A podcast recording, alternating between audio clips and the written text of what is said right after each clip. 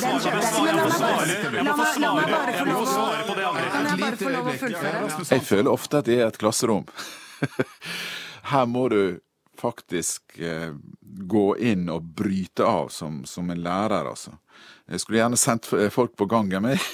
Arild Riise var lærer, nei, jeg mener programleder for TV 2s siste partilederdebatt nå på torsdag, og er vant til å prøve å holde orden i rekkene når politikerne så gjerne vil komme til orde. De blir også engasjerte at de kanskje glemmer eh, litt folkeskikk, og, og da må jeg bare prøve å gripe inn, og jeg håper å bruke litt humør på det, slik at folk slapper av, og at eh, den som har ordet, får, får beholde det, men ikke for lenge. Skal ikke hale ut tida. Jeg møtte ankermann og programleder Riise noen dager før debatten, og lurte på hvordan forbereder man seg for å holde alle de her snakkesalige politikerne i ørene? Nei, går jo gjennom alle partiprogrammer, selvsagt, det gjør han. Eh, Men eh, like viktig er det å se på den politiske debatten i det offentlige rom under hele valgkampen. Jeg vet jo f.eks. at eh, Trygve Slagsvold Vedum nesten uansett, hva slags tema som kommer opp, så kommer han til å starte alle svar med sentralisering. Nei, forebyggingene går rett og slett på at han for det første tenker seg hva er det viktigste spørsmålet i valgkampen. prøver å snevre inn temaet. Eh, prøve å nesten spille sjakk. Hvordan skal vi legge opp dette her? Hvis vi tar det trekket, hva reaksjon får vi da fra de som er med i partilederdebatten? Eh, hva kan vi forvente av eh, konfrontasjoner, av reaksjoner på ting? Hvordan skal vi plassere dem? Det, det, er veldig mye arbeid i å prøve å forutse hva som skal skje. En ting er hvordan han og TV 2 forbereder seg, men hvordan er politikerne minuttene før de skal på? De er veldig forskjellige. Enkelte står og utveksler lapper med rådgiverne sine. Eh, Noen eh, har behov for å prate med, med andre, med folk. Gå og ete litt sjokolade eller ta seg en kaffe og muntre seg opp. Og, mens andre ser ut som at det er like før de skal i bokseringen, og at de går gjennom argumentrekka, akkurat som du ser en alpinist gå gjennom ei, ei, ei løype før, før, han setter utfor. Så ser du at de er djupt konsentrerte og, og engasjerte. Og det, det, det er veldig spesielt denne stemninga rett før debatten går i gang, når du ser hvordan de går inn i seg sjøl, går inn i temaet, prøver å, å, å piffe seg opp best mulig. Det er utrolig fascinerende. Hva er det mest utfordrende for deg som programleder? Veldig viktig med en god start. For det legger føringer for hele resten av, av debatten. Og en god start, det tenker jeg der eh, politikerne svarer på spørsmålet med en gang. Ikke begynn å spore av eh, temavalg vi får folk imot oss med en gang vi på en måte griper inn i debatten eller ber dem om å være presise. Så havner vi alltid på Altså, vi taper alltid der. Men, men jeg er bare nødt til å gjøre det. Fordi at det, det, er så, det er så viktig for resten av debatten at den blir ryddig. At, det, at vi får frontene klare. Men eh, hva er drømmedebatten for TV 2? Hvordan ser og høres den ut? Drømmedebatten er der politikerne får fram standpunktene sine, der det er klart hva de står. Eh, der det alt eh, den politiske tåka har letta, og folk er, er sikre på hva de får når de stemmer på de ulike partiene. Det er, det er drømmedebatten. Og så er det klart at det, Du må huske på på 70-tallet, der Anders Lange tok med seg sabel inn i politiker, politilederdebatten. og hadde, Jeg tror han hadde også eggelikør. i hvert fall så, det, var, det var ganske sterke virkemidler som var brukt. Jeg drømmer ikke om en sånn debatt, men det er klart der du får en debatt der du får gullkorn som sitter, eh, fra politikerne, spontanreaksjoner som viser hvor mye de brenner for politikken sin. Eh, det, det, hadde, det, det, er en drøm, altså. Der du har setninger og ord som sitter igjen lenge etterpå, som skaper presedens. Det, er, det, det håper vi å få til. Riise og andre programledere drømmer kanskje om sitat som Jens Stoltenbergs. Jeg kommer ikke til å gi én eneste krone i skattelette før jeg kan si at eldreomsorgen i Norge skinner og alle er fornøyd. Eller Kristin Halvorsens sitat om avskaffelse av fattigdom. Altså, Vi, vi flommer jo over av penger i statskassa. Dette er jo ikke vanskelig, dette handler om politisk vilje. Men hvordan skal de her partilederne gå fram for å kunne skinne i en debatt der konkurransen er hard? Jeg spør KrFs Knut Arild Hareide. Så jeg forbereder meg med fakta, med kunnskap på de feltene som vi veit kommer til å bli debattema. Så det gjør jeg på en ganske sånn tradisjonell måte, med at jeg tenker Jeg leser litt kanskje rapporter på den type tema som, som NRK sier de ønsker å fronte. Eh, så det gjør jeg sammen med noen av mine færreste mine rådgivere. Eh, og det er ikke sånn noen hokus pokus, det er på en måte å kunne sakene sine før en går i debatt. Mm. Ja, for hvor mye skriver og forbereder du sjøl, og hvor mye hjelp får du fra taleskrivere og kommunikasjonsrådgivere til en sånn debatt?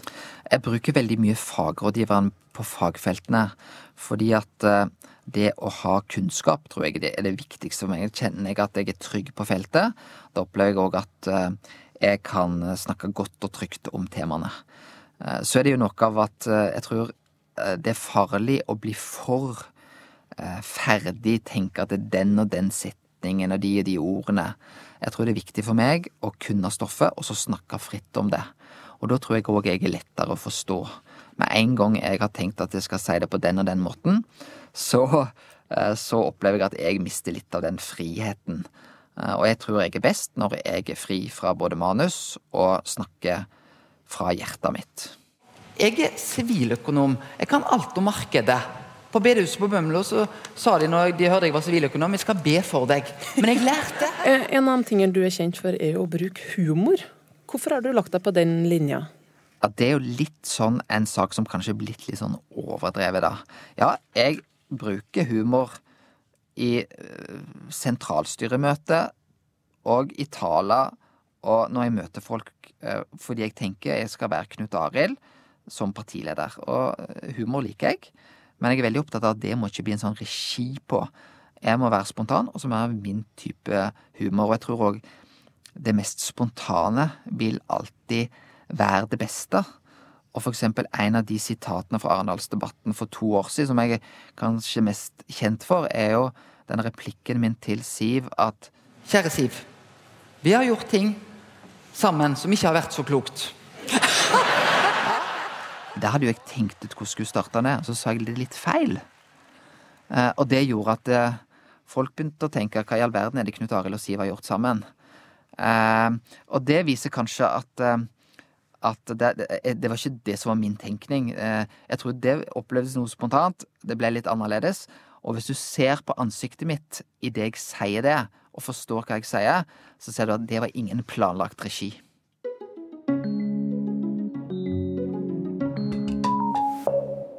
Nå har nok avisene gjort opp sine dommer over hvem de mener vant de her to siste partilederdebattene. Medieforsker og professor Eli Skogerbø, hvis fagfelt er politisk journalistikk og kommunikasjon, tror det er tre punkt som må på plass for å gjøre et godt inntrykk i en partilederdebatt. Du må ha et ganske klart budskap, antagelig på mer enn ett tema, for som regel er det jo flere temaer. Altså, men du må være i stand til å formulere budskapet. Man må ha troverdighet i forhold til velgerne. Altså at velgerne faktisk tror at det du står og lover at du skal gjøre, at du faktisk klarer å gjøre det, at du klarer å, forklare sammenhengene. Og så tror jeg du rett og slett må kunne snakke ikke bare med dine politiske menings- og meningsfeller og meningsmotstandere, men òg med, med, velgerne. Altså at du går, for å si det som et gammelt fjernsynsuttrykk, du må gå gjennom TV-ruta. Og Skogerbø skjønner godt hvorfor at partilederdebatten fortsatt samler så mange seere. Den har innslag av drama, underholdning, tvekamp, eller jeg håper på å si konflikt. Sånne ting som gjør at politikken blir litt eh, Får litt sånn eh, blod og kropp og, og litt drama rundt den.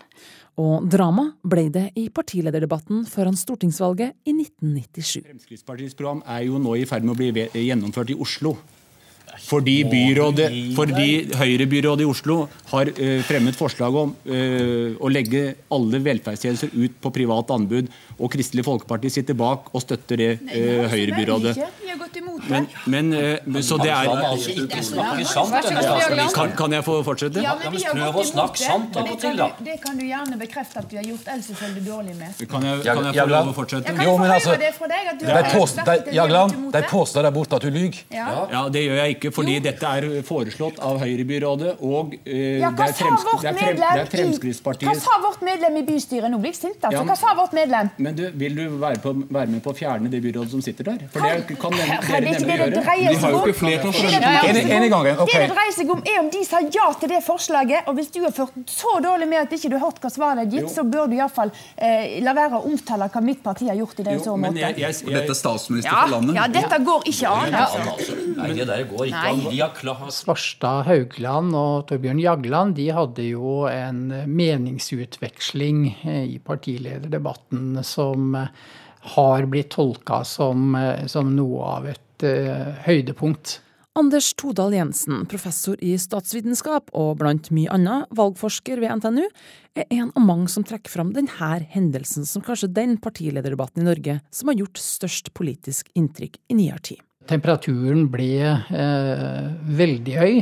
Det ble framsatt eh, påstander om eh, løgn. Og eh, det var sånn at du virkelig kjente spenninga i lufta mellom eh, de to i debatten. Eh, og i etterkant så var det jo mange som, som mente at Jagland kom svært dårlig ut av den konfrontasjonen. og tolka det de oppfatta som et skuffende valgresultat for Arbeiderpartiet, i lys av det som skjedde i den debatten. Kurer har forsøkt å få en kommentar fra Torbjørn Jagland om hvordan han tenker i dag om denne debatten for 20 år siden. Men hans medarbeider svarer en e-post at Jagland har ingen kommentar, og ønsker ikke å delta i den norske valgkampen. You, det andre skoleeksempelet som ofte blir trukket fram, er det første TV-sendte debatten mellom Nixon og Kennedy. Men Jensen vil ikke ilegge den debatten for mye viktighet. Den fortellinga den ser ut til å leve videre uansett eh, om den er ganske spinkelt Eh, fundert i, i forskning. Da. Sånn at eh, mange har ment da, at eh, Kennedy, som jo ble, slo Nixon med en veldig liten margin, han vant rett og slett på å være et vakrere ansikt på TV i denne eh, debatten. Argumentet for at det er sant, skal være da at eh, Kennedy gjorde det forholdsvis bedre blant de som så debatten på TV enn blant de som hørte den på radio. No. And then you heard what I said about it, and all of a sudden you were against it. Well, Donald, I know you live in your own reality, but oh, yeah. that is not Aldri før har vel så mange nordmenn sett på de politiske debattene fra USA som vi gjorde i fjor høst. Men i USA, der har de debattert lenge før vi nordmenn fatter interesse for det. Det har man en lang, lang eh, tradisjon for. Vi snakker om altså den gangen valgmøtene eh, brukte Ehm, kjerrer som scene, og debattantene eh, drev på i timevis, for ikke å si dagevis, eh, og debatterte. Så de er på en måte en, eh, et ytterpunkt. I land som Tyskland så har de ikke partilederdebatter i det hele tatt. Storbritannia har de forholdsvis nylig begynt med det, og det er ganske strikt regulering av de debattene. Så, eh, så, det varierer egentlig veldig, veldig mye fra land til land. Dansk valgkampdekning derimot ligner mye på den norske.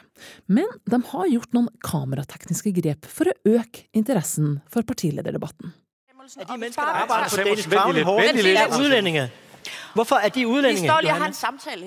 Det begynte i 2007. For da dansk radios siste partilederdebatt før valget gikk av stabelen, kunne den observante seer legge merke til at alle partilederne var akkurat like høy. Hver enkelt sto nemlig på en boks som var tilpassa deres høyde, så de bokstavelig talt sto på lik linje. Ikke for å motvirke hersketeknikk nødvendigvis, men for at kameraene kunne zoome seg helt inn på ansiktet og øynene deres, og samtidig få med seg ørsmå detaljer og viktige blikk fra de andre partilederne i bakgrunnen. Ich sage jetzt meine Einschätzung. Aber Sie gestanden mir sicher eine Frage. Tyskerne har som nevnt ikke rene partilederdebatter, men de har hatt én TV-debatt foran hver valgkamp siden 2002. Og mens søndagens tyske debatt inneholdt to debattanter, 90 minutter og fire programledere, måtte en ensom Arild Riise holde oversikt over ni partiledere på en knapp time i torsdagens TV 2-sending. Jeg lurer, hvor går smertegrensa for hvor mange partiledere det kan være med i en partilederdebatt? Det, det er altfor mange. Det var åtte sist, og nå har rett kommet til. Og, og det, er, det er for mange. Og jeg, jeg, jeg, tror at det skader hele partilederdebatten at det er, er så mange. Eh, kanskje vi må finne, lete fram en annen form. Eh, slik at eh, de får til i litt andre fora. Men så er det litt med dette her seremonielle. Altså folk er vant til det gjennom alle valgkamper. At vi har en sånn avsluttende partilederdebatt. og og det har litt Folk er jo vanedyr. De, de liker dårlige endringer. De liker dårlige ting som er nytt. Det merker vi spesielt når det gjelder TV-faner. Så fortsatt så er dette her et slags eh, ritual, da. Men eh, jeg tror nok at det for velgerne kanskje hadde vært enda bedre hvis vi hadde hatt en eh, litt annen form på det, og ikke ni stykker som kakler og kjefter og, og, og, og diskuterer det. Vet du om det er noe eh, eh, frist på skolevalget på publisering? Det offentlige klokka 19. Ja. Ja. Selv om det er åtte år siden han ble pensjonert, blir valgdekninga i NRKs Grand Old Man, Geir Helgesen, nesten stoppa med en gang han har kommet inn i gangen på Marienlyst for å bli spurt om råd til årets valgdekning. Får sende faktura på det der, da. Min kollega Lars Erik møter han i et av NRKs mange studio på Marienlyst, hvor Hellesen har ledet mang en partilederdebatt. Men sjøl om han var i NRK i nesten 42 år, så var han heller ikke til stede på den aller første TV-sendte partilederdebatten i NRK. Det startet så langt tilbake som i 1959. Da var det kommunestyrevalg. Og det var ikke så mange som hadde TV-apparater den gangen, så egentlig var det en form for prøve. Og de hadde hele kvelden utover og hadde denne partilederdebatten. Og det morsomme, hvis du tenker liksom frem til i dag, det var jo at Kåre Willoch, som ble statsminister i 1981, han var den gangen i 1959 bakspiller for Jon Lyng. Altså Han satt bak Jon Lyng og skulle legge lapper frem til han og gi han gode tips om hva han burde ta med i, i debatten. Hva er de viktigste endringene som har skjedd opp gjennom åra? Ja, Det har skjedd mange endringer, både av positiv og, og mindre positiv karakter. Nå vil jeg understreke at jeg har aldri hørt til den gruppe medarbeidere som sier alt var så mye bedre før. For det var det ikke. Noe var bedre, men det var mye som ikke var det. Og vi som programledere, vi hadde jo ingen aktiv argumenterende eller politiserende rolle på noen som helst måte. Altså Vi ga ordet til og sørget for at, at de overholdt den eh, tilmålte taletiden de enkelte hadde fått. I dag er jo dette helt annerledes. Det er mer kritiske vurderinger inne, også mer kritiske spørsmål fra programlederne enn eh, den rollen som vi hadde til, til å begynne med. Så der er, er, mye i dag som vi godt kunne hatt mye av før. Hvis du skulle hente noe fra gamle dager, la oss kalle det det, frem til i dag, så vil jeg si det måtte være at ofre mer tid. Litt mindre av underholdningselementet og litt mer tid til å dyrke det politiske og den politiske konfrontasjonen mellom, eh, mellom partene. Ja, det er mye som har endra seg innen partilederdebatten. For eksempel så trekker vi ikke lenger rekkefølgen fra en svart hatt. Og vi har navnelapper her i hatten. Og jeg ber deg, Lars Jakob Krog, kan du trekke en lapp? Jeg tror jeg greier det. Det var fint. Politikerne røyker heller ikke lenger sigar når de blir presentert i begynnelsen av debatten. Anders Lange, fra Anders Langes parti til sterk nedsettelse av skatter, avgifter og offentlige inngrep. Første replikk her. Anders Lange. Det er underlig eh, sted Og programlederne har en litt mer aktiv rolle enn de hadde før. For Det norske Arbeiderparti, stortingsmann Trygve Bratteli. Men tidligere programleder Hellesen har fått opplevd mye moro med direktesendte debatter. Panelet var satt i en sånn hestesko, halvmåneformet. Hanna Kvanmo satt litt på siden og da hun så hvor hun var blitt plassert, så var hun irritert og sa hun ville ikke sitte der hvor kameraet kunne ta bilde av henne fra siden. Det ønsket hun ikke. Så hun spurte Einar Førde om de kunne bytte plass. Og Einar Førde var, eh, var gentleman, så han sa det er greit, vi bytter plass. Men på bordet foran seg så hadde de jo en klokke som viste til enhver tid hvor lang tid de hadde igjen av den tilmålte tiden. Og da de byttet plass, så visste ikke deltakerne det. Og Det førte til at når Einar Førde snakket, så gikk klokken til Anna Kvanmo. Og da Anna Kvanmo snakket, gikk klokken til Einar Førde. Så Da de hadde oppdaget dette, så fant de ut at nei, vi må gå tilbake til det som var det opprinnelige. Og de, de, gjorde det, men i mellomtiden var jo klokkene blitt byttet om. Så da de gikk tilbake til det mønsteret det skulle være, så ble det like ille.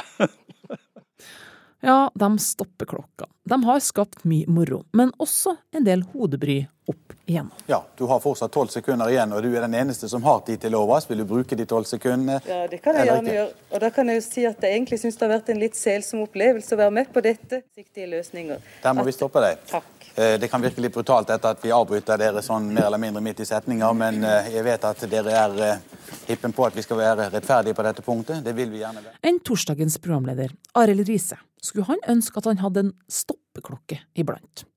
Jeg har litt sans for sånn som det var på 70-tallet, at du hadde stoppeklokke. Jeg husker Herbjørn Sørebø sto fram på TV og så sa han jeg skal ikke stille et eneste spørsmål, jeg skal kun holde, passe på tida til den enkelte. Jeg vet ikke hvor interessant det blir for, for, for seerne, da. Jeg tror det må være en slags eh, kombinasjon. Jeg, jeg, jeg, har sansen for der, debatter der jeg får snakke ut, men det må også være innenfor en viss tidsramme. Eh, vi bruker en time på dette her. Og det må, det må være konsentrert, altså, for ellers så får vi bare folk over 65 eh, som ser på. Og vi er jo avhengig av å engasjere ungdommen.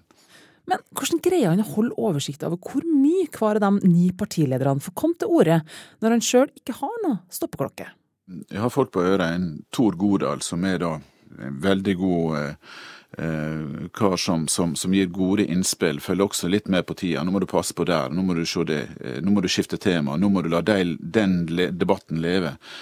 Eh, fordi at det er vanskelig å ha som programleder oversikter over Altså se debatten utenfra. Men vi sitter ikke med stoppeklokke.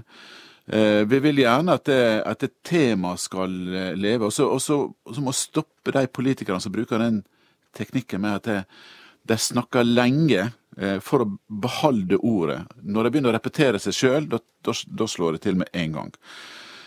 For da snakker de bare for å, å hale ut tida. Men de her to aller siste partilederdebattene i valgkampen 2017, har Riise noe tro på at de kan avgjøre valget? Jeg tror vel ikke at det er avgjørende sånn helt i innspurten. Da har vel de fleste bestemt seg, men det kan være tunga på vektskåla for, eh, for enkelte tvilere, da. Men de store velgermassene er nok på plass, vil jeg tro. Og hans gamle kollega Hellesen er også litt usikker på viktigheten. Ingen vet vel nøyaktig eh, hvor viktig de er. Men det, det undersøkelser viser, det er jo at fra 2009 til 2013 så var det altså 39% som enten skiftet parti eller gikk ut eller inn av gruppen som vi kaller for sofavelgere. Og når du da vet at det er mange som er usikre på hva deres endelige valg skal bli, og når, når, du vet at mange da tar standpunkt tett oppunder valget, svært tett oppunder valget, så forteller dette at partilederdebatten kan være ganske viktig. Vi skal ikke overdrive betydningen av den, for det er en sum av flere ting som teller inn. Men det er klart at, eh, at den, den, har stor betydning. Velkommen til partilederordskiftet, det siste programmet her i fjernsynet framfor stortingsvalget. Og skal vi følge gammel tradisjon, markerte gårsdagens partilederdebatt slutten på sjølve valgkampen, forteller professor Jensen. Og etter det skulle det være eh, fred mellom partiene. Da pakket man sammen valgbodene og tok med det som var igjen av løpesedler og den slags eh, tilbake til partikontoret. Og så skulle velgerne få tenke seg om i ro og fred, og så skulle de gå og stemme. Nå ser en jo at det mykes gradvis eh, opp, det også. Eh, partier blir frista til å drive valgkamp helt inn til valgdagen. Jeg har litt sans for den eh, gamle ordninga også, med at velgerne skulle på en måte i ro og fred få bearbeide inntrykkene av valgkampen. Og så skulle de gjøre seg opp en mening og gå og stemme.